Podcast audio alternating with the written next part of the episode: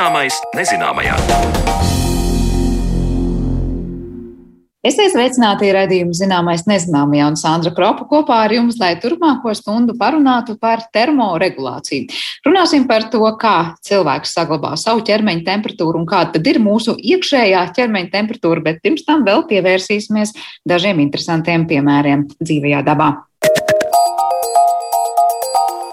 Cilvēkam atbilstoši gada laika maiņām tik vien kā jāparūpējas par gardrobas maiņu, lai nenosaltu vai nepārkarstu, bet dzīvās dabas pasaulē ir krietni vairāk augstsim dzīvnieku, kuru ķermeņa temperatūra var būtiski mainīties atkarībā no vidas temperatūras.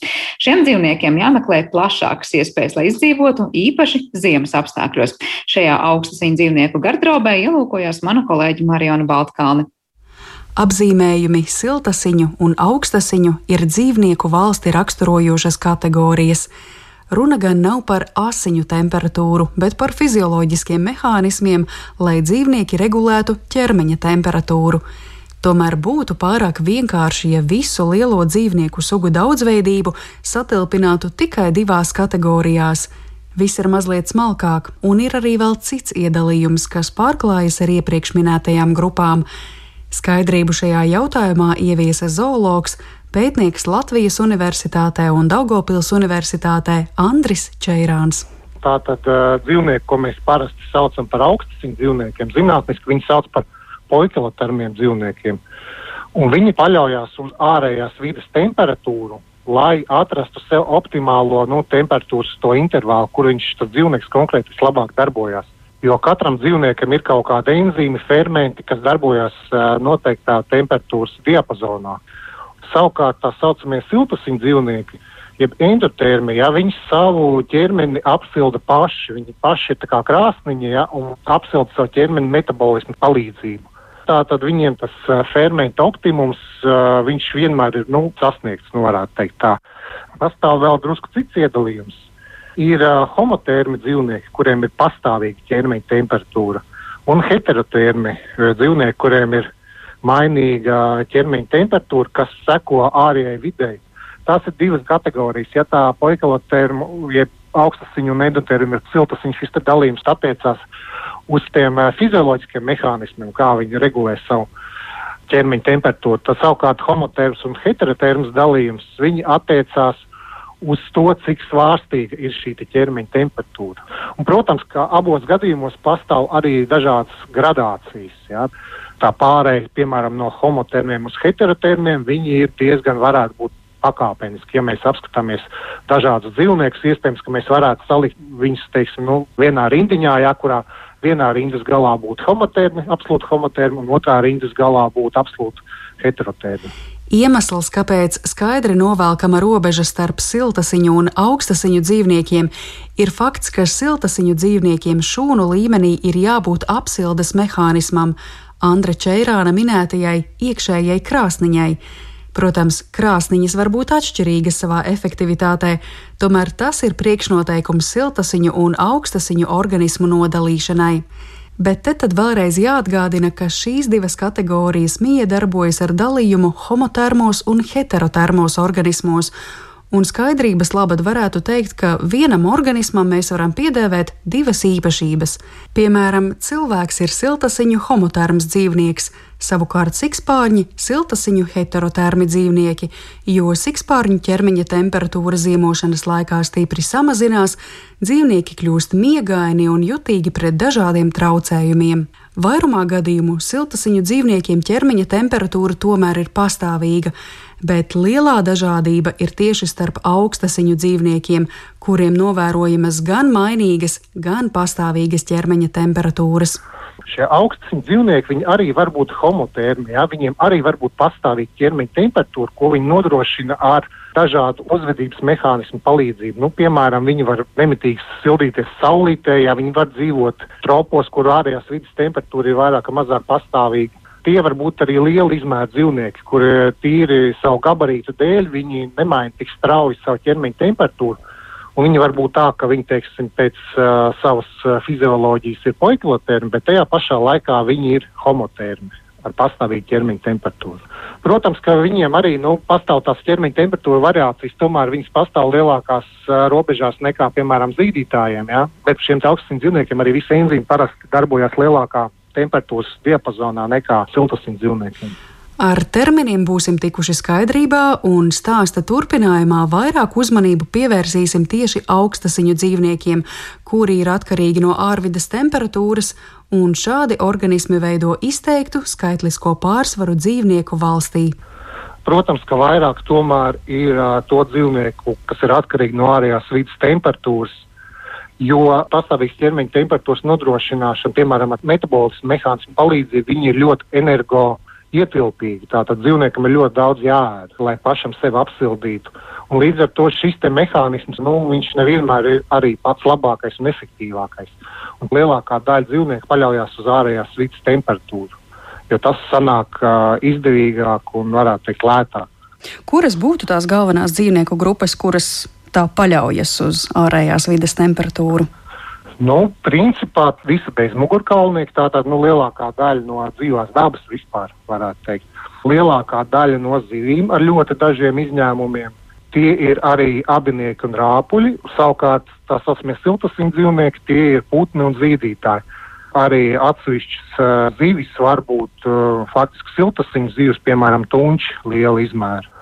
Vai ir vispār kaut kāds vienojošs elements, kā nu, šie augstasiņu poikilotermie dzīvnieki, kā viņi vispār uztur savu ķermeņa temperatūru, vai arī katrai dzīvnieku grupai tas ir absolūti atšķirīgi. Zirnekļi to dara savā veidā, kukaiņi savā, un uh, vardes un krupji vēl citā veidā. Nu, galvenais mehānisms ir uzvedības mehānisms, kad viņi teiksim, izvēlās vietas ar sev optimālāko vidus temperatūru. Ja. Ja tur neliela bezmugurkaulnieka, tad šeit ārējās temperatūras izvēlē nekāda nozīme viņiem nav. Jā, tad lielāk, kustīgāk dzīvnieki, piemēram, ķirzaks, var izlīst, pasildīties saulītē, jā, un tādā veidā, piemēram, paaugstināt savu ķermeņa temperatūru un uh, nu, uzsilt, teiksim tā.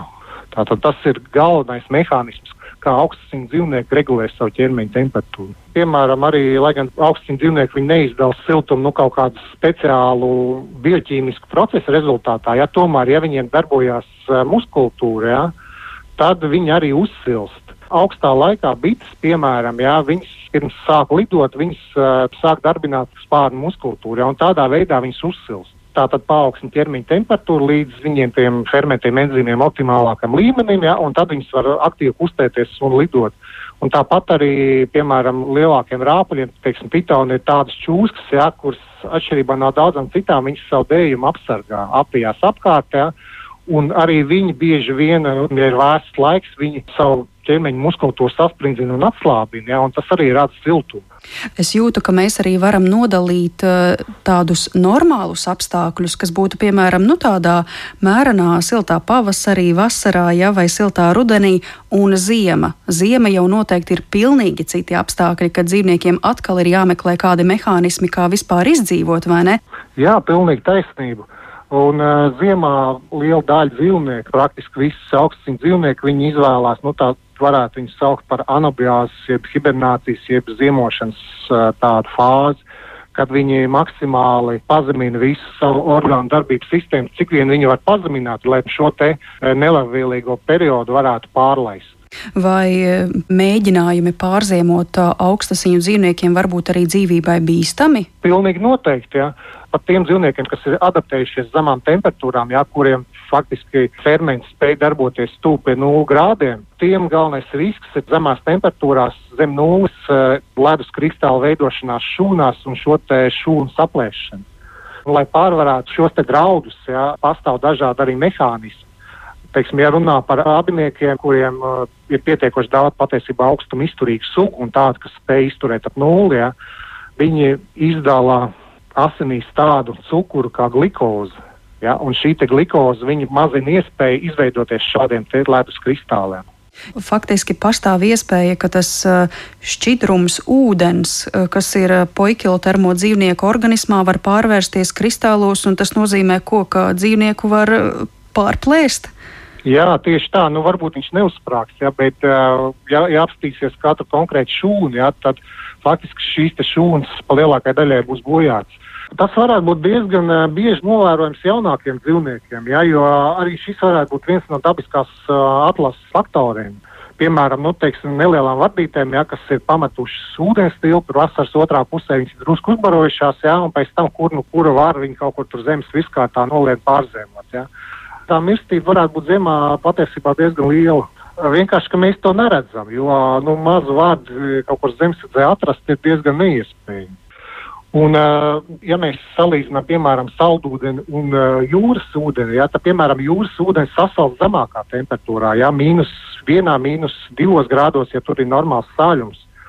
Un arī daudz dzīvnieku izvēlās šādu ceļu, lai novērstu ūdens sasalšanu savā šūnās. Viņi respektīvi pievieno uh, šīm šūnām klāt uh, glikozi vai arī sāļus, kas viņiem nonāk no urīnvielas. Tas ir abiniekiem, piemēram. Ja? Līdz ar to šūnu šķīdums kļūst koncentrētāks ja? un ir nepieciešams zemāks temperatūras, lai dzīvnieks sasaltu pilnībā. Tas ir arī viens no tādiem mehānismiem, kā dzīvnieki aizsargājās pret zemu temperatūru ziemā. Saldūdeņos jau arī mēdz būt tādas situācijas, ka tie aizsalst pilnībā, vai ne? Piemēram, dīķis tā jau ir tieši mājvieta, piemēram, vardēm. Kā, kā tur izdzīvot? Vardēm patiesībā ir tā, ka gadījumos, kad ja šāda upīte aizsals līdz uh, dibenam, jā, tad uh, vārdas visticamāk ies bojā tās vārdas, kas ziemo ūdens tilpēs viņas ir samērā maz izturīgas pret augstumu. Tādu negatīvu temperatūru var izturēt nu, būtiski dažas dienas, varbūt pat mazāk. Savukārt ir dažas sugas, kas ziemo uz sauszemes, un lūk, tās var izturēt tiešām mīnus pat 10-15 grādus, bet arī tas ir uh, tikai ierobežot laika periodu. Kopumā jāsaka, ka sauszemes dzīvniekiem galvenais aizsardzības mehānisms būtu atrast piemērotu slēptuvi un nolīst pēc iespējas dziļāk zemē. Un vēl migrēšana uz siltākām zemēm atsevišķos gadījumos raksturīga arī bezmugurkaulniekiem, piemēram, taureņiem. Vēl viens kukaiņu izdzīvošanas mehānisms ir pārziemošana oliņas, kāpura vai kūniņas stadijā es jau gribētu pieminēt, ka īstenībā ir vesels pat ekosistēmas, uh, nu, kur tādiem poikilotermiem dzīvniekiem, piemēram, ķirzakām, ir priekšrocības salīdzinot ar siltasiņu dzīvniekiem, jā, tādiem kā peļveidīgie grauzēji. Jā. Tās, piemēram, ir tūkstneša ekosistēmas, jā, kur brīžiem ir ļoti sauss un resursu vispār nav nekādu. Un tad uznāk lietus, jā, parādās tur augi, kukaiņi, uh, Un, piemēram, tādos tūkstošu apstākļos, nu, ķirzakām ir stipri lielākas iespējas izdzīvot nekā zīdītājiem, kuriem ir nepārtraukti jāpatērē enerģija, lai uzturētu savu ķermeņa temperatūru. Par augstziņu dzīvnieku termoregulāciju un pārziemošanas mehānismiem stāstīja zoologs un Latvijas universitātes, kā arī Daugavpils universitātes pētnieks Andris Čeirāns. Ar viņu attālināti sazinājās mana kolēģi Mariona Baltkalna. Bet par cilvēku termoregulāciju mēs parunāsim rēdījuma turpinājumā.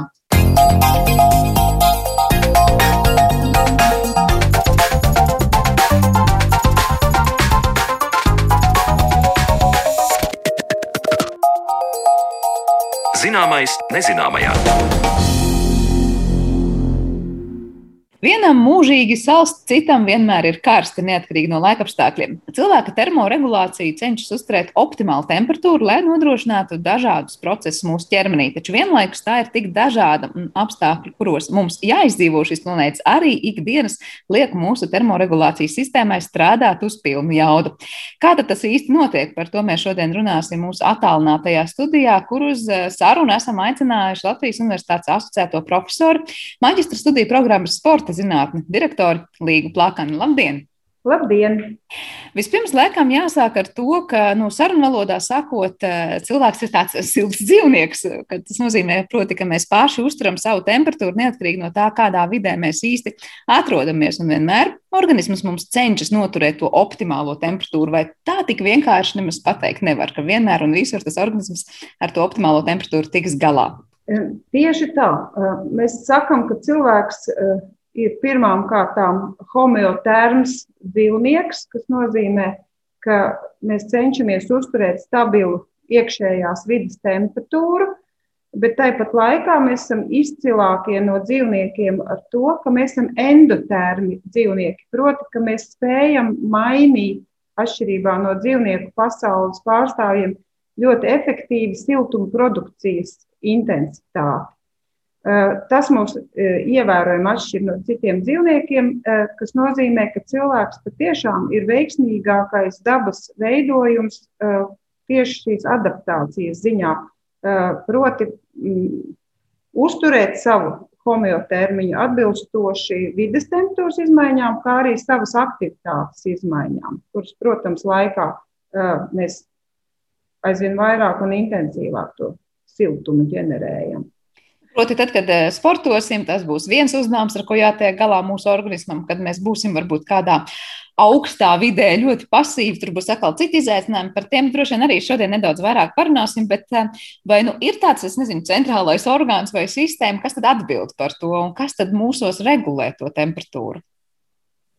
Nu jā, un, un paldies par to, to iesākumu brīnišķīgo. Tādēļ, ka tiešām viss jau nav tik ideāli. Un, un sakot, ka mēs esam tādi, ka ir stabila iekšējās vidas temperatūra, proti, tad jāpasaka, kas ir tā iekšējā vide. Iekšējā vide patiesībā nav viss, kas slēpjas zem, zem ķermeņa ādas, zem, šī te, zem šīs segas, bet tie ķermeņa sērdes audi patiesībā ir krūšu kurvja dobuma audi un vēdera dobuma audi. Un būtiskākie, kuriem ir šī ļoti stabilā temperatūra, protams, ir nervu sistēma, galvas un muguras smadzenes, sirds, aknas, nieres, tie tie audi, kur ir ļoti, ļoti jutīgas temperatūras maiņā. Un, un tā, tā stabilā temperatūra, kuras tad var nosaukt arī to vērtību, kas droši vien cilvēkus pārsteidz, ir 37,8 grādi. Tā nav tā, kur mēs padusē, teiksim, mērot pēc vecā stila vai mērot kaut kur te uz, uz pieres deniņa artērijā nosakam. Tad tā ir tā, ar ko mēs salīdzinām, izmainās vai neizmainās. Bet iekšējās vidas temperatūra ir daudz augstāka. Un, piemēram, ādā apvalka temperatūra tā var būt ļoti krasi mainīga. Tā var būt robežās no 20 līdz 40 grādiem. Lūk, un tad tas jautājums, kurš uztur tieši to sēdiņu stabilo temperatūru. Un tā ir galvas smadzeņu tāda ļoti gudrā struktūra, kas atbild arī par citu uh, uh, raksturu lielumu, stabilitāti, hipotalāms. Hipotalāms galvas smadzenēs, precīzāk vidussmadzenēs, ir tieši organismu iekšējās vidas dažādu fizikā, ķīmisko parametru uzturētājs. Un, uh, viņš, viņš to dara, salīdzina tātad, temperatūru, par kuru ziņo pa nerviem, tātad, gan no ādas, gan no dažādiem orgāniem, uh, un salīdzina šo apsūtīto informāciju ar tā saucamo etalonu vērtību. Un tā etalona vērtība ir tā, pēc kuras hipotalāms var vadīt vai nu pastiprināt siltuma veidošanu, vai tieši siltuma atdevi pastiprināt. Bet tas etalons nāk no kurienes tam hipotalāmam? Tas ir visu laiku kaut kāds iekšējais esošais vai kā? Jā, un tas ir tas interesantais, ka ir tiešām tā vērtība, kas ir normāla un kas tad ir normāla. Normāli, lai labi justos uh, audi, uh, šūnas varētu funkcionēt, lai varētu veiksmīgi notikt vielu maiņas reakcijas, un no, no šūnu teiksim, veidojošiem ķīmiskiem elementiem visvairāk, visjutīgākās ir olbaltumvielas, jo olbaltumvielu struktūra ir tāda pakāpju veida eh, struktūra, un tad mēs sakām, ka šīs olbaltumvielas var izjaukt savu struktūru, ja denaturēties pat neatgriezeniski, kas tiešām var notikt lielā karstumā, eh, lielā karstumā, mm, vai tas ir pārkarstot eh, vides karstuma dēļ, vai kombinācijā ar fizisku slodzi, vai saslimšanas dēļ, ja ir augsta temperatūra, kāpēc tad ir jālieto temperatūras pazeminoši līdzekļi, jo tas ir ļoti bīstami šīm obaltumvielām. Un no audiem tieši visvairāk smadzenēm un akmenšūnām. Tad var teikt, ka reizes, kad mēs sastopamies ar nu, teiksim, tā, izteikti paaugstinātu temperatūru, tur 8, 5, 39, 5 vai pat 40, mm tajā brīdī mēs jau runājam par šo olbaltumu vielu nu, zudumiem. Vai... Mm. Tieši tā. Bet tajā brīdī, kad mums ir šī paaugstinātā temperatūra, tur drūzas un tā tālāk, cik tad ir e, iekšēji mums nu, tajās vietās, kur visu laiku mums ir tas 37 un 8, ja pareizi atceros mhm. minētais, arī tur tā temperatūra krietni pieaug, vai mūsu organisms tur neļauj pārkarst tām konkrētām vietām? Jā, jā, pieaug, un tas ir ļoti interesanti, ka, piemēram, ja sirdiņa temperatūra pieaug fiziskas slodzes laikā, ja ir ļoti intensīva slodze, muskuļi ļoti aktīvi kontrahējās, pie tam nevis tikai atsevišķu ekstremitāšu, bet teiksim, visa organisma lielākā daļa muskuļu aktīvi sarojās, tad notiek milzīga uh, siltumprodukcija, jo muskuļi jau paši ir tie 36% vai pat 40% no kopējās ķermeņa masas. Un tad var šī iekšējās vidas temperatūra paaugstināties līdz pat 40 grādiem un vairāk. Bet, ja tas ir saistībā ar slodzi, tad ir arī uh, atbilstoši pārdalīta asins apgāde starp orgāniem, tā skaitā uz ādu. Tad ir palaista arī svīšana un, un ir, kā saka, organizēts šis te darbs temperatūras izlīdzināšanai. Bet, ja, piemēram, miera apstākļos šāda temperatūra ir iekšējā vidē, tad to sauc par drudzi. Un, un, un, un tā ir ļoti bīstama situācija, kas ir jārisina ar, ar palīdzību līdzekļiem. Bet, ja tā ir saistīta ar slodzi, tad to var uzskatīt par normu. Taču nu, arī tur ir robežas. Ja teiksim, ļoti intensīvas, ilgstošas slodzes laikā ir 40, varbūt 41 grāds, nu, rektālo temperatūru, mērot to noteikti vis, vis, visprecīzāk un, un ātrāk, tad, protams, darba spējas strauji krītās un tāds stāvoklis nu, ir arī, arī saka, bīstams. Tad arī ir vai nu jāpārtrauc slodzi, ja vēl pats organisms jau šīs zīmes nav parādījis, ka jāsamazina slodzes intensitāte un, un, un jā, jādzer un, un vēl visādas citādas lietas darāmas ir dzēsējošas no ārpuses ķermeņa virsmā, ja to neievēro, tad arī, arī var būt šis ārkārtīgi bīstamais un pat dzīvībai bīstams stāvoklis. Tas, notiek, tas var tikt sasniegts arī nu, sportojot, un liekas, un tajā brīdī, kad kontrolēju, ja kādu slodzi vēlos, un liekas, es ļoti veselībai labi daru, un ja nedzer ūdeni vai ja neklausās savā organismā, tad varbūt tas jau kliedz lūdzu pietiek. Mm. Jā, pārkaršanas risks ir ļoti bīstams. Un, ja mēs arī šajā laikā ļoti bieži ir aktualizējies arī plašsaziņas līdzekļos. Šis jautājums, tāpēc, ka ierasti maijs bija mūsu Rīgas uh, lielie sporta svētki, Rīgas maratons, uh, un, un, uh, kurš, kurš ir uz, uz laiku, varbūt citā formā vai, vai, vai pārcelts, vai, bet atkal noteikti atgriezīsies lieliski organizēts āležs. Tad pirmos gadus, kad tas tiešām kļuva par tādu tautai ļoti iemīļotu pasākumu, šīs bija ļoti aktu, aktuāls problēmas ar ļoti bēdīgiem arī iznākumiem, tā skaitā pat ar, ar nāves gadījumiem. Bet katrā ziņā līdz slimnīcai aizvesto skaits bija, nu, ok, ja mēs tagad uh, ar citiem skaitļiem operējam pandēmijas sakrā liksies, nu, tas vispār nav nekas. Uh, bet tomēr uh, tas nozīmē, ka cilvēki ir, ir jāizglīto šajos jautājumos. Un, un bija tiešām traucējumi gan ar sirdsdarbību saistīti, gan aknu funkcijām traucēti. Uh, un, un, un dažus tos populārākos jau mēs arī atceramies uh, gadījumus. Tad tie ļoti bīstami arī ar fizisku slodzi un pārkaršanu stā, uh, saistīti stāvokļi. Vēl, ja, nu, tur vēl visādi papildus faktori, par ko mēs droši vien vēl parunāsim.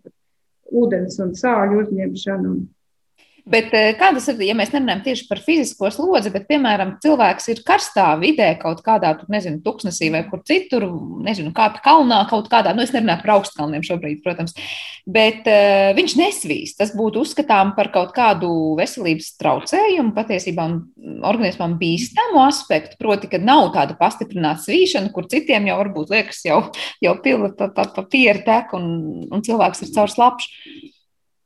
Jā, īstenībā svīšana ir ļoti efektīvs uh, siltuma atdeves mehānisms, bet ne katram uh, cilvēkam tieši šis ir varbūt tas visizteiktākais. Tas ir viens no. Uh, teiksim, ja mēs uzreiz salīdzinām ar dzīvniekiem, tad ir dzīvnieku, kas dzīvo karstos laika apstākļos, vidē, un viņiem vispār nav tāda svīšanas sistēma. Nu, kaut vai tas pats uh, Āfrikas vai Āzijas zilonis, viņam nav svieta dziedzera.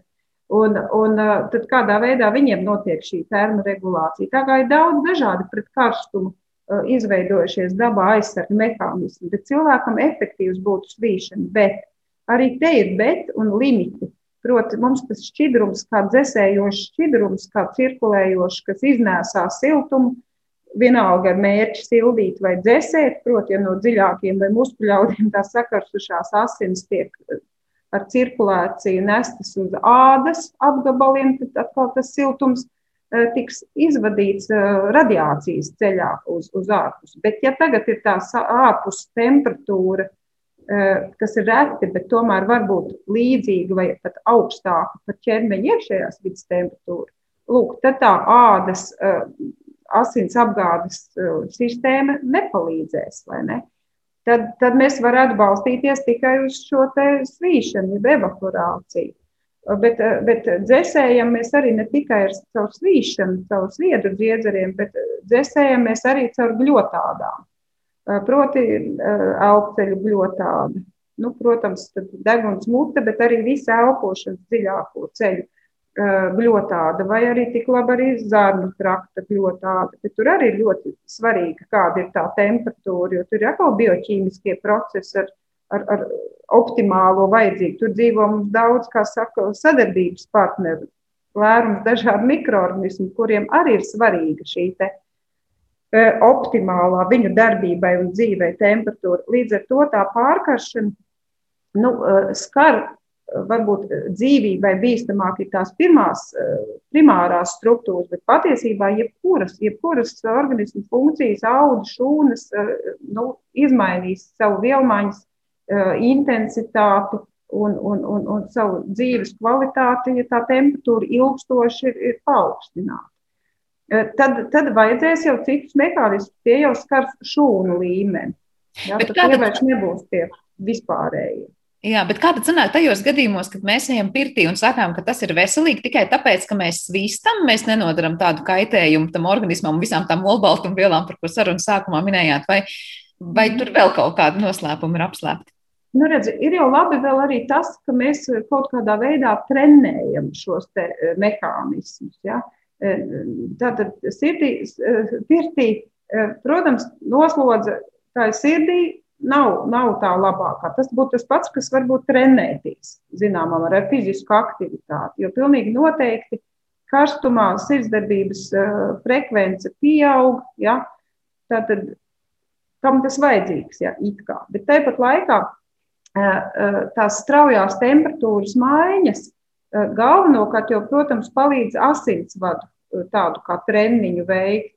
Un tas, cik mums efektīvi asins pārdale notiek karstumā, augstumā, tas ir ļoti, sacīt, stabils un uh, drošs uh, siltuma regulācijas mehānisms organismā. Ne par velti iesaka šīs kontra, kontrastu dušas vai ne, kaut vai nepeldoties, bet mājas apstākļos trenēt. Tas ir treniņš ādas asinsvadiem. Un cik mēs efektīvi varam strauji paplašināt, tad, tad milzīga virsmāde ir mums lielākais orgāns. Tad, tad tas ir efektīvs uh, siltum, siltuma atdeves laukuma palielinājums. Tā kā pirts uh, ļauj tātad pirmām kārtām palielināt šo uh, asinsvadu atvērumu, ādā, un līdz ar to caur ādu izvadīt un sviedru dziedzeriem dažādiem izvadīt arī dažādas, nu, izvadāmās vielas no organisma, kas citādi izmantot varbūt citus izvadu ceļus. Kā sanāk, ja mēs runājam par pretēju procesu, proti, tad, kad mēs saskaramies nevis ar pārkaršanu, bet ar salšanu? Mm. Labi, mēs izrunājam, kas notiek tad, kad nav labi mūsu iekšējiem orgāniem un šūnām pārkarst un kādi bioķīmiskie procesi tad tiek traucēti. Kas notiek tajos brīžos, kad mēs esam augstumā? Interesanti ir tas, ka organismam bīstamāk ir pārkaršana kā atzišana. Īslaicīgi atdzesēt audus, tas nav bīstami. Tad, tad atkal pirmais, kas mainās, ir vielmaiņas intensitāte, tā bioķīmisko reakcija, kas atkal parāda to, ka obaltumvielas ir tās jutīgākās uz, uz tām temperatūras maiņām. Nu, lūk, bet, bet augstums atkal par kādu augstumu mēs runājam. Ja tiek atkal drusku apdraudēta tā organismu iekšējās vidas temperatūra, tas pats hipotalāms atkal rīkojas ar citiem, kā saka, ieročiem. Pirmā, ko mēs iedomājamies. Mēs sākam drebēt. Ir tā sauktie drebuļi, jeb trīci, ārkārtīgi efektīvs temperatūras paaugstināšanas pasākums. Un tās ir muskuļu kontrakcijas, kas ir gribai nepakļautas. Tā sacīt, sanākt kopā un sarīkot drebēšanas pasākumu, nekas nesanāks. Ja? Bet tas nozīmē, ka šeit ne, neizdalīti visi muskuļi, vienalga, vai tie ir pozu noturošie līdzsvaru muskuļi, vai tie ir dinamiskie muskuļi, visi, visi paaugstina tā saukto tonus. Un tās tonus, jeb saspringuma veida kontrakcijas rada Tātad ļoti, ļoti e, mazas amplitūdas, bet augstas frekvences kontrakcijas, kas ļoti efektīvi, ļoti efektīvi ģenerē siltumu. Viņas ir bezjēdzīgas no lokomocijas viedokļa, vai ne? Bet viņas ļoti, ļoti ātri ceļ iekšējās vidas temperatūru. Bet tas ir tas pirmais gājiens. Tad, ja, ja ir teiksim, āda atsekta, tad tūlīt tajos atsektajos ādas apgabalos būs asinsvadu sašaurināšanās kas, protams, atkal ir nu, labi slikti.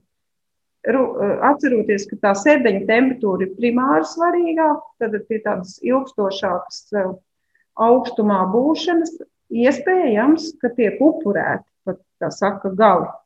Jā, tie tālākie aptidi, atsektie. Nu, kāju, roku pirksti, deguna gala, sausu lipas, vaigu, vaigu galu. Tie var apsaukt tādēļ, ka tur ir augstuma dēļ samazināta asins plūsma ar mērķi Uh, uzturēt to sēdeņu temperatūru. Ja.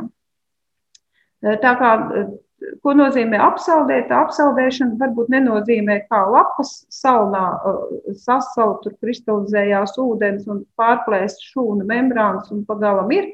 Tas gluži ne tā notiek, bet sākotnējais tas augstuma dēļ ādas asinsvadu sašaurināšanās piegājiens arī samazina audos, ādas audos gan skābeklī, gan barības vielas. Līdz ar to tie audi drīzāk nomirst, jeb, jeb nu, varbūt pat nomirst tātad apsaldējuma dēļ, badā, nevis tīri kā augstuma dēļ. Bet kāpēc ir tā, ka, nu, piemēram, es domāju, daudzi no mums, kas būs ziemā kārtīgi sasaldējuši tur kāju pirkstus, zina, kad ieejot siltumā, pēkšņi pat dažkārt liekas, nu, kad sāp tajā brīdī tie pirksti, kad kļūst siltāk. Tad tajā brīdī var teikt, mēs bijām noveduši to, tos audus kāju pirkstos līdz tam, ka viņi pamatīgi cieši, vai tā ir kaut kāda asinsrites izmaiņa, ka tur sāp ir sāp? Kompensējošais ir, kad uzreiz kā, kā, kā ir siltumā, tā palaiž vaļā, kā saka, tos mazos asinsvadu eh, zažimiņus, sfinkterīšus, kuri turēja ciet, tagad palaiž vaļā un izlaiž tev rādus visām cilpām, kapilāru, intensīvu plūsmu. Un patiešām tieši tā zinātnē saka reperfūzija, ja? tātad pēc cieta stāvokļa strauja at, atbrīvošana, atlaišana, strauja plūsma, patiešām rada arī bojājumus. Un bojājumi tad ir tie, kas izraisa sāpes un nepatīkamu sajūtu. Tādēļ pēc nosaldēšanas nedrīkst uh, vēl arī ārēji karsēt rokas, likt siltā ūdenī. Teiksim, tas ir visticamāk izraisīs uh, bojājumus un sliktāku stāvokli nekā pakāpeniska, uh, pakāpeniska atsildīšana. Kaut vai vislabāk nu, berzējot. Ja? Tātad ārēji berzējot, palielinot to procesu ātrumu, nevis ar, ar sildīšanu lokālu verot vaļā asinsvadus. Tur var, var visticamāk arī būt neatgriezeniski bojājumi.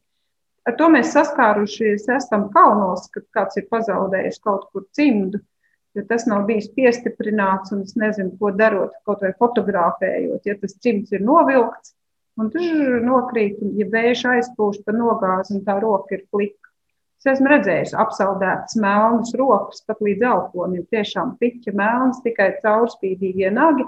Un uh, pēc tam satikti cilvēki, ar ko bijām kopā, prasījām, nu, ar ko tad toreiz beidzās tam, tam Irānas kāpējam, uz komunistu smailu ejot. Ar ko tad beidzās tas apsaldējums? Nu, es atceros, cik tālu noņēma. Ja? Tā doma, Viņš teica, ka neko nenoņēma. Pamazām, pamazām ar skābekļa injekcijām atjaunoja to roku. Protams, ir funkcijas, nu, tur kavēts vai termoregulācijas mehānismi ir izmainīti. Bet principā to roku saglāba, bet ļoti pakāpeniski atsildot un atjaunojot to audu funkcijas. Tie ir tādi ļoti ekstrēmi gadījumi, bet kā ar tām ikdienas nu, roku sasaldēšanām ziemā, vai tā ir tiesa, tad tas princips ir līdzīgs. Ja reiz tās rokas kādreiz ir tā kārtīgi nosilušas, tad Citās mm -hmm. reizēs, nu, bez cimdiem, varbūt tur, kur kādam vēl nebūtu neliksies, ka tas jau ir augsts un, un, un kā saka, jutīgs kaut kas uz tiem pirkstiem. Tad tam, kuram ir tās rokas pamatīgi salušas, tās e, pirksta reakcijas būs krietni, krietni izteiktākas jau pat pie mazākas salu, salu līmeņa. Tā ir? Jā, jā, tā ir. Tāpēc, ka ādas asinsvadu regulācijai nav tikai šie hipotalāma, centrālās nervu sistēmas komandu atbildes jāsniedz, bet ir arī lokāli, vietēji. Tātad, kaut vai iedomājamies, kāda jau bez termoregulācijas, arī visādi kā barjeru veids funkcijas, kaut vai iegriezums pirkstā, tas ir lokāls iekaisums un dzīšanas process un tā tālāk. Tad ir arī lokāls, kaut vai viens pirksts pie kaut kā, es nezinu, pielikts pie augsta ledus. Ja? Viens ir augsts, bet otrs ir silts, piemēram. Tad, tad ir arī daudz lokāli organizēti šie termoregulācijas mehānismi. Tad ne, neiesaistot galvas smadzenes.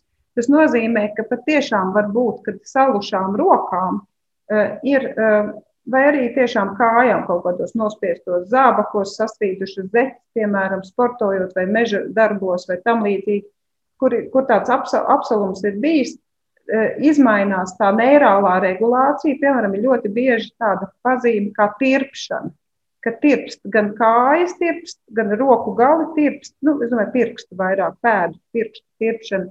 Tas ir pēc apsaldēšanās tāds neirāls traucējums. Tas nozīmē, ka tie nervgali ir izmainīti. Tieši tādēļ, kā es sacīju, ka tās obaltumvielas, eh, kas šajā gadījumā veids nevis varbūt bioķīmiskas reakcijas, bet tieši recepciju, uztvere, temperatūras recepciju, arī viņi ir izmainīti. Līdz ar to eh, tās atbildes reakcijas eh, nav, nav kā saka, precīzas un ieslēdz ātrāk saka, to salšanu, vai to, to, to pārkaršanu, tad mēs redzam, ka nav tāda stabila tā regulācija, bet viņi ir uz vienu vai otru pusi novirzīti. Bet uh, gadiem ejot, tas var atjaunoties un mainīties, vai tas nu, paliek uz visu mūžu? Tas, uh, tas var atjaunoties atkarībā, protams, no tā bojājuma plašuma un, un, un, un ilguma. Es pat teiktu, varbūt ne tik daudz dziļuma, jo tam dziļumam, protams, tam augstumam, cik, cik augsts, cik, cik ir tas sals tur pār, pārdzīvots Eh, tam ir kaut kādi limiti, tomēr nu, tādi bioloģiski limiti, cik var turēt. Bet, eh, bet eh, tas ilgums, cik ilgi ir tādos apstākļos, nu, ir, ir, ir nu, teiksim, kalnos arī piedodieties ar to, bet tā ir man tā, ā, kaut gan atceros bērnību arī slidojām, pa maziem bija tie slidošanas zābaki. Nu, tad tas kā es saraudu, bet jāslido, protams.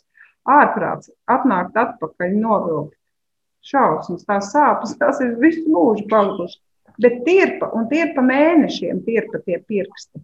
Bet nu, kaut kā tad ar laiku iziet. Bet, eh, tā ilgstoši šādi nospiest. Un kāpēc nospiest? Tas nozīmē, ka arī tie muskuļi nesildi. Ja savilkt čokurā tie pirksti, tad arī ļoti šauri apavi, varbūt ne tik augsts, Bet šauri apavi arī var novest pie tādām sekām. Bet atbilde atkal ir asins apgāde, asins cirkulācija tajā perifērijā. Tā kā, tā kā bioloģiju neapmānīsim ar šauriem apaviem, visam noteikti. Uh, vēl viens tas nu, tautā izplatīts, es nezinu, mīts vai patiesība, ka daudzreiz saka, nu jā, nu tievākam cilvēkam ātrāk paliek augsti, un tad tiem, kuriem vairāk tā tauku kārta, tos tad varbūt vairāk sildu, un viņi biežāk teiks, ka nav vēl augsti, ka citi jau būs pārsaluši. Cik tur taisnības un cik tur varbūt ir uh, atkal interpretācijai vieta? Jā, jā, protams, ir. Eh, protams, ir, mēs vēl nepieskārāmies tādam eh, jautājumam, kā ko pats organisms dažādos audos var, var izmainīt ar uh, siltuma ģenerēšanu, siltuma producēšanu. Un, uh, un, un taukaudiem ir, ir daudzas lomas, bet mēs saprotam, ka taukaudiem tauku šūnas ir, ir tas tauku uzkrāšanas vieta, uh, bet mēs zinām, ka tauki ir ļoti enerģētiski ietilpīgi.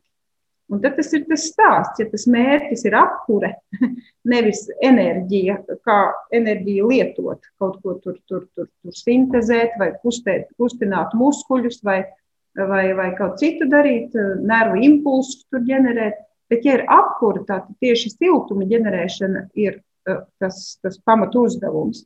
Tad, protams, taukaudu tauki ir brīnišķīgs, brīnišķīgs avots, jā, jo viņos ir augsta, mēs sakam, kaloriskā vērtība, tad augsta siltuma ietilpība. Un tas nozīmē, ka, ja vien mēs varam palaist, lai tos taukus vairāk, mēs sakam, dedzina, bet ar mērķi tiešām siltumu radīt efektīvi. Ne par velti izmanto krievas saunas, led, ledus peldes, augstā ūdens peldes, aplikācijas, ledus aplikācijas uz, uz, uz ādas. Tas ļoti, ļoti stipri palielina taukaudu vielmaiņu. Tas nozīmē ārda nost šos taukus. Un, un, un tas ir būtiski. Ne par velti, ka teiksim, ilgtermiņa adaptācija augstumam nozīmē arī dzem, palielināt uh, zemākas tauku slāni. Tā tas ir. Tā tas ir. Savukārt, otrādi, ja drīkst atkal ar piemēru, un piedodat, atkal iznāks no kalniem piemērs, bet tas bija mm, aļas kā pirms laba laiciņa, kad mēs kāpām Denalī, Makinlī virsotnē. Pasākums nebija ne tik grūts, ne tik ilgs, tāds veiksmīgs no, no visa ar, ar, ar laika apstākļiem un tā, bet no augstums ir augstums maijā. Tur dienā tur mīnus 19 grādi, mīnus 30 grādi, tad nu, tāds tur ir plus vējš. Un, un šajā pastāvīgajā augstumā divas nedēļas darbs, kas nebija fiziski grūtāk kā citos kalnos, bija vainagojies ar lieliskiem panākumiem svaru uzdevumā. Nu, tur bija no 8 līdz 12 kg svara, bet visi bija diezgan sportiski mēs tajā komandā. Ļoti efektīvs bija svara zudums. Galvenokārt tiešām uz, uz, uz eh, zemādas tauku daudzumu. Ļoti efektīvi. Ir, ļoti bieži pretēji liekas, ka nu, augstumā mēs sakām uz ziemu, mums organisms pats paliek tur, es nezinu, mm. apaļāks vai uzēd, kā saka, rezerves. Tad tā nemaz nav augstumā. Patiesībā tie tauki vairāk tiek dedzināti. Jā, ja, ja ir nepieciešams uzturēt siltumu. Jā. Bet, eh, bet eh, tad, kad sāk tie dzīvnieciņi krāt uz ziemu tos taukus, tas vēl nav tajā augstajā laikā, kad viņi sāk krāt. Tad jau ir par vēlu sākt krāt. To viņi dara. Tas arī ir interesants stāsts, kā, kā ziemguļas dzīvniekiem notiek šī tauku krāšana. Bet ir arī taukaudiem dažādi veidi, tā sauktie baltie un brūnie tauki, un tagad izdala bēšos taukus. Un katram tiem ir mazliet cita, cita loma, cita funkcija.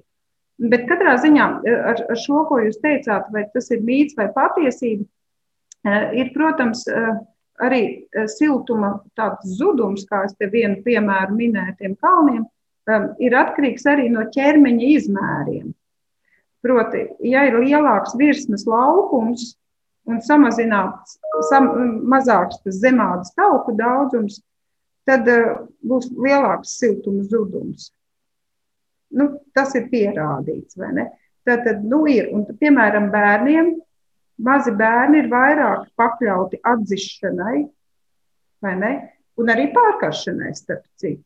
Tieši tādēļ, ka ķermeņa masas un virsmas laukuma atšķirības ar lielu pieaugušu cilvēku ir, ir būtiskas. Līdz ar to tā virsma, caur kuru notiek siltuma apmaiņa, un šis zemāks slānītis nu, nosaka efektīvāku vai mazāk efektīvu šo siltumu apmaiņu. Tas, laikam, labs aspekts, ko paturēt prātā, tuvojoties vasaras sezonai, ka tiešām bērns būs daudz, daudz, daudz jutīgāks uz to, kur varbūt mums liksies vēl nav nemaz tik karsti, kā, kā varbūt pieaugšam. Bet man ir daži jautājumi, kurus noteikti man gribas uzdot šajā sarunā, lai gan laika, protams, mums ir pavisam, pavisam maz. Nu, pirmais ir tas, kāpēc ir cilvēki, kuriem liekas, vienam jau pie 22 grādiem liekas, ir iestājusies karsta vasara un svīst un ir, un ir karsti, un cits teiks, nē, man tikai pie plus 28 un 30 ir komforts un man patīk un tikai tikai tad ir silti. Proti, Kāpēc? Es nerunāju šeit par galējībām, kur tiešām mūsu organisms jau signalizē, tas ir silti, tas ir augsti. Un, protams, mēs nerunājam par to, ka tā kodola temperatūra mums tur pakrīt zem tiem 37,8 grādiem. Bet tādas ikdienišķas reakcijas, tas ir tas hipotalāms, kā strādā un kā regulē. Vai mm -hmm. nezinu, ir pamats domāt, ka vienam strādā labāk, citam sliktāk? Nu, neteiksim labāk vai sliktāk, bet uh, tas, tā mehānismu, daudzveidīgo mehānismu Eh, teiksim, efektivitāti. Jo teiksim, ilgtermiņa adaptācija, tās ātrās, mēs te vairāk izskatījām ar asinsvadu reakcijām, bet ilgtermiņa uh, regulācijās iesaistās arī hormonu sistēmas. Nu, labi, tie, tie vēl ir arī tādi ātrie hormoni, kā adrenalīns, ko visi mēs zinām. Tas atkal uz to siltumu producēšanu, jā, viss pātrinās, arī vielmaiņa visos audos. Bet ir arī tātad vairogdziedera hormoni, kas arī uz apsildi strādā. Bet kas tad palīdzēs mums, kā sacīt, uzturēt labu sajūtu karstumā? Kas tad ir tās labās sajūtas atslēga? Patiesībā ūdens sāļu līdzsvars. Un, ja es ok, svīstu, bet tomēr uzturu optimālu iekšējā, iekšējās vidas ūdens sāļu daudzumu līdzsvaru, ja, pie tam līdzsvaru, ne tikai daudzumu, tas man uztur normālas darba spējas un labu, labu kā saka, sajūtu. Bet, ja es daudz svīstu, tādēļ, ka es, nu, man jātiek vaļā no tā karstuma, dzēsēt, dzēsēt, dzēsēt, Tas nozīmē, ka samazinās organismā šķidruma tilpums un darba spējas krītas, gan fiziskās, gan mentālās. Ļoti bieži pavadošs ir arī galvas sāpju simptoms. Ja? Tad ļoti bieži, ko man darīt, pa priekšu padzeries pirms to tabletīti ņem. Ja? Pasies, vai tu neesi galīgi, kā saka, dehidratēts, kas arī ar slodzi saistībā ir bezgala svarīgi šis ūdens sāļi. Tu vari turēt labi karstumu, ja tu adekvāti uzņem ūdens sāļu šķidrumu. Bet mēs šajā gadījumā runājam par parasto dzeramo ūdeni vai par jau kādu konkrētu minerālu ūdeni, kas ir bagāta ar, ar dažādiem sāļiem. Vai tur pietiek par parastu ūdeni, lai tas līdzsvars būtu regulēts? Nu, jā, nu, tas nozīmē, ja ir saka, pie minimālas aktivitātes šī karstuma dēļ svīšana, pietikt ar ūdeni. Bet slodzes laikā mēs atdodam ļoti daudz sāļus izsvīstam sāļus. Ja? Tad ir balti, balti uh, pleķi ap, ap, ap padusēm, ap, ap, ap vaigiem piere, ja, kur tās svīšanas zonas ir intensīvākas. Obligāti ir jāuzņem sāls ūdens, jau specializēts sporta dzēriens. Citādāk mēs atšķaidām jau tā, jau mēs sakām, hipatoniskas, jeb, jeb mazas sāļu, sāļās asinis, vēl ar pliku ūdeni. Tas nozīmē, ka tā sāļu koncentrācija vēl stiprāk pazeminās. Tātad tas ir eh, sevišķi nātrijas zudums, ir ļoti bīstams tiešām smadzeņu darbībai un varētu būt pat, pat nu, kā saka, apjukums vai, vai pat ģībiens vai, vai, vai, vai smadzeņu traucējumu, pat samaņas zudums kā reakcija. Bet vēl viena lieta, kas liekas, ir interesanti saistām ar to, kā mēs jūtam siltumu vai augstumu, ir nogurums. Zinu, pēc pašas pieredzes, tad, kad ir ļoti, ļoti agrs rīts un maz gulēts un kaut kur ir jādodas, tad vienmēr liekas, ka ir augsti, lai gan patiesībā varbūt nemaz nav tik ļoti augsti. Kāpēc liekas, tad, kad mēs esam noguruši, mums tas augstums ir jūtamāks nekā citās vietās? Tāpēc, kad ir samazināta siltuma producēšana. Tā ir, un, un, un interesanti, ka miega laikā ir smadzenes arī to sauc par retikulāro formāciju, galvas smadzenēs, tāda eh, izkliedēta sistēma, kas samazina organisma gan tā saka veģetatīvo funkciju, kā sirdsdarbība, gremošana, elpošana, aktivitāte. Tik labi arī muskuļu tonus samazina. Miega laikā ir visas funkcijas, izņemot smadzeņu pašu funkciju, ir uh, krietni samazināta. Un ja visi audi strādā mazāk, ar mazāku intensitāti, mazāk siltumu producēsies. Ne par velti vasaras dienā atlaižoties, lai cik ir silts un gulbi zvaigznītē, tomēr pagulējis, tev prasās pēc paladziņa, jā, jo tā tad, nu, siltuma producēšana ir samazinājusies un tas, tas optimālais līdzsvars, tā teikt, ir, ir, ir tiek zaudēts.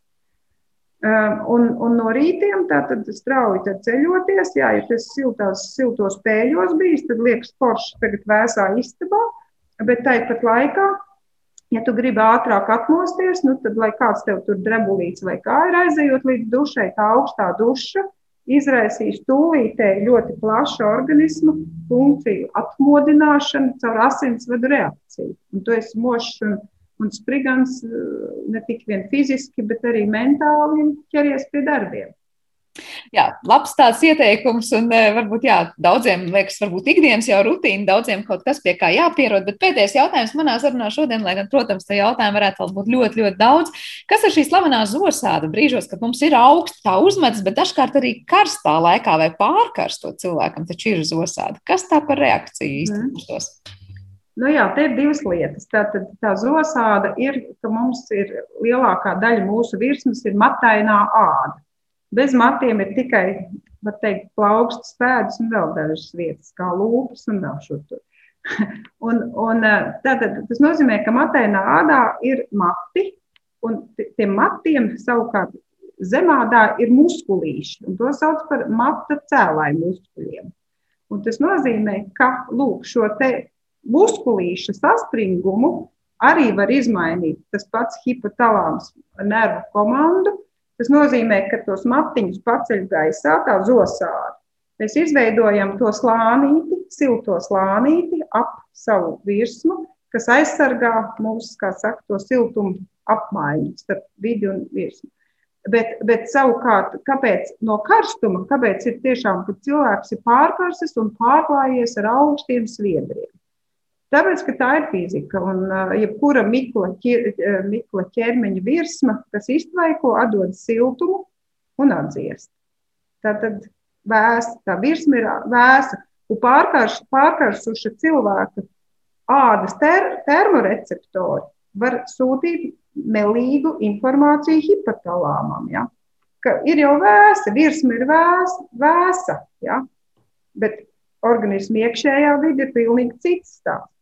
No turienes iet hipotalāmam sava informācija, ka patiesībā ir 40 varbūt, grādu temperatūra. Jā, tā kā tāda ļoti interesanta reakcija kopa visu laiku, laikam, mūsu organismā brīžos, kad mēs reaģējam uz dažādiem vidas apstākļiem un arī vienkārši, kad uzturam sevi siltumā vai dzēsējam, tad vēl jau vairāk kā katram, katram ar savām īpatnībām. Bet tiešām liels paldies par šo sarunu, kas ļāva ielūkoties varbūt vairāk tajā, cik ļoti apbrīnojami sarežģīts. Mēs visi esam būtnes ar to, kā tas viss tiek regulēts un par ko padomāts. Un atgādināšu klausītājiem, ka šajā raidījuma pusstundā mēs attālinātajā studijā tikāmies ar Latvijas Universitātes asociēto profesoru un maģistra studiju programmas sporta zinātņu direktori Līgu Plakani. Ar to arī šis raidījums ir izskanējis, un par to teikšu paldies producentei Paulai Gulbinskai un mūzikas redaktors šai stundē bija Girds Bišs. Savukārt es ar jums kopā Sandra Kropa būšu atkal rīt, lai mums visiem jauka diena uz tikšanos.